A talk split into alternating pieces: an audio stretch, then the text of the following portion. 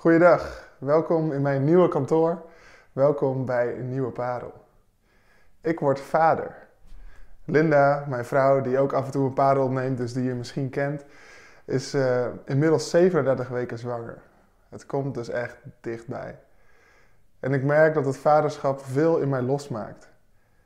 Ik uh, ben enerzijds super enthousiast, ik heb er zoveel zin in. Ik kan niet wachten om mijn eigen kind in de ogen te kijken en te leren kennen. En anderzijds is het ook iets wat ik totaal niet kan overzien en waar ik van denk, oeh, dat zou ook maar zo eens heel confronterend en ingewikkeld kunnen worden.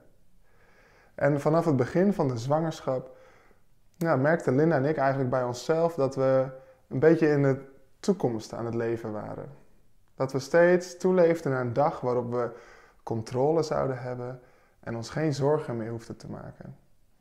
En we betrapten ons erop dat we echt dachten van nou, als we straks de 12 weken hebben gehaald, dan is de kans op een miskraam statistisch veel kleiner. Dus dan zal er rust zijn. Maar eigenlijk dachten we dan, oh ja, maar bij de 20 weken en dan op de echo kun je zien ja, of het kindje compleet is en of het goed gaat. En dan zullen we rust hebben. Oh ja, maar dan moet je eigenlijk wachten tot 24 weken, want dan is het levensvatbaar. Of 28 weken, want dan, nou ja, en zo waren we eigenlijk de hele tijd aan het vooruitkijken. Verlangende naar een moment waarop we controle zouden hebben. En toen Linda zes weken zwanger was, toen deelden we dat ook met haar broer en zijn vrouw. En zij zei: Jongens, dit heeft helemaal geen zin. Want ook als jullie kindje straks geboren is, kan er nog van alles misgaan. En hoe hard het ook klinkt, ook als ze peuter zijn, volwassenen zijn, wat dan ook, er kan altijd iets misgaan. Dus het heeft geen zin om te verlangen naar controle of om je steeds zorgen te maken. Want jongens, jullie dienen een God die boven de statistiek staat. Iemand die groter is dan wat jullie kunnen overzien. Dus volgens mij mogen jullie gewoon nu al het leven van jullie kindje loslaten en in zijn handen leggen. En dat was zo'n eye-opener voor ons. En toen hebben we heel bewust al besloten, helemaal aan het begin van de zwangerschap eigenlijk, om het los te laten. En om ons kindje dan al op te dragen aan God en in zijn hand te leggen. En erop te vertrouwen dat hij voor haar zorgt. Maar ja, dat is natuurlijk makkelijker gezegd dan gedaan. En wat ik merkte in de periode daarna is dat het mij hielp om voorbeelden te lezen van mensen die hier juist goed in zijn. En min of meer toevallig kwam ik zo'n voorbeeld tegen in Marcus. En daarom wil ik met jullie lezen Marcus 1, vers 16 tot 20. Daar staat: Toen Jezus langs het meer van Galilea liep, zag hij Simon en Andreas, de broer van Simon, die hun netten uitwierpen in het meer. Het waren vissers. Jezus zei tegen hen: Kom, volg mij.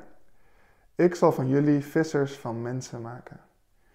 En meteen liet ze hun netten achter en volgde hem. En iets verderop zag hij Jacobus, de zoon van Zebedeus, en zijn broer Johannes, die in hun boot bezig waren met het herstellen van de netten. En direct riep hij hen.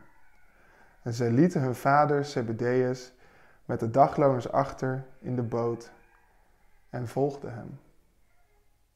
Zebedeus, de vader van Jacobus en Johannes, wordt achtergelaten. Nu weten we vrij weinig van Zebedeus. Maar in de geschiedenis van de theologie en de Bijbeluitleg heeft hij hier heel veel kritiek op gehad. Hij wordt vaak aangehaald als het voorbeeld van iemand die huis en haard, zijn eigen bedrijf, zijn eigen inkomen, zijn eigen familie verkiest boven het volgen van Jezus. Hij wordt gezien als lafaard. En sterker nog, zijn naam werd synoniem voor een scheldwoord in de middeleeuwen. Zijn naam betekende onnozele mens, sukkel, lafaard. Maar ik wil het vandaag graag even opnemen voor Zebedeus. Want in mijn ogen is hij de meester van het loslaten. En een voorbeeld voor alle ouders. Want als ik naar Zebedeus kijk, zie ik een vader die zijn kinderen zonder tegenwoord toevertrouwt aan Jezus. Hij laat ze los. En dat vraagt om moed. Want met het loslaten van zijn zoons raakt hij niet alleen zijn kinderen kwijt, maar eigenlijk ook zijn perspectief op de toekomst. Want zeker in die tijd was het heel vanzelfsprekend dat je als zoons het bedrijf van je vader overneemt. En CBD'us had een succesvol bedrijf. We lezen dat hij dagloners in dienst heeft. Nou ja, dat betekent waarschijnlijk dat hij meerdere boten had en dat hij in ieder geval genoeg winst maakte om ook zijn dagloners te kunnen betalen. En dat was echt niet vanzelfsprekend voor een gezin in die tijd, in die regio. Hij had het dus goed voor elkaar. En had het misschien ook wel helemaal uitgedacht. Ik zie dat dan zo voor me, dat hij na een dag vissen in zijn luie stoel zit aan het meer en een beetje loopt te mijmeren en denkt aan de toekomst en denkt, nou, nog een paar jaar, dan worden Johannes en Jacobus officiële partners van het bedrijf. Misschien openen we nog een eigen visrestaurant in het centrum van de stad. En dan noemen we dat Zebedeus en Sons. En dan nog een paar jaar later kan hij lekker met pensioen, lekker met zijn vrouw Salome aan het meer zitten, terwijl Johannes en Jacobus voor hem en zijn vrouw zorgen. Maar dan komt Jezus langs. En hij roept Jacobus en Johannes. En we weten niet waarom, maar misschien werd CBD'ers niet geroepen. Daar staat verder niks over, maar ergens wist hij, dit is niet voor mij. En op dat moment dat zijn zoons geroepen worden, ziet CBD'ers zijn hele toekomst aan zich voorbij flitsen. Geen visrestaurant, geen pensioen, geen luie stoel aan het meer, want zijn zoons gaan weg. Je zou verwachten dat hij in protest komt. Dat hij zegt, ja, hallo, uh, Jezus, mooi verhaal, gaaf, die wonderen, maar dit zijn mijn zoons. Zij zijn degene die ik nodig heb voor mijn toekomst.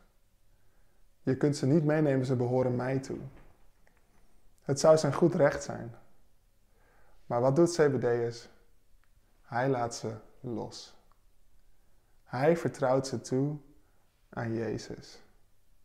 Omdat hij ten diepste weet dat zijn zoons niet hem toebehoren. Dat hij niet degene is die hun levens controleert, maar dat zijn zoons toebehoren aan God. Wat een voorbeeld. Wat een vader. Hij laat ze los. En wij mogen hem navolgen in het loslaten van onze kinderen wanneer Jezus hen roept. En die dag gaat komen. En dat mag ik ook doen.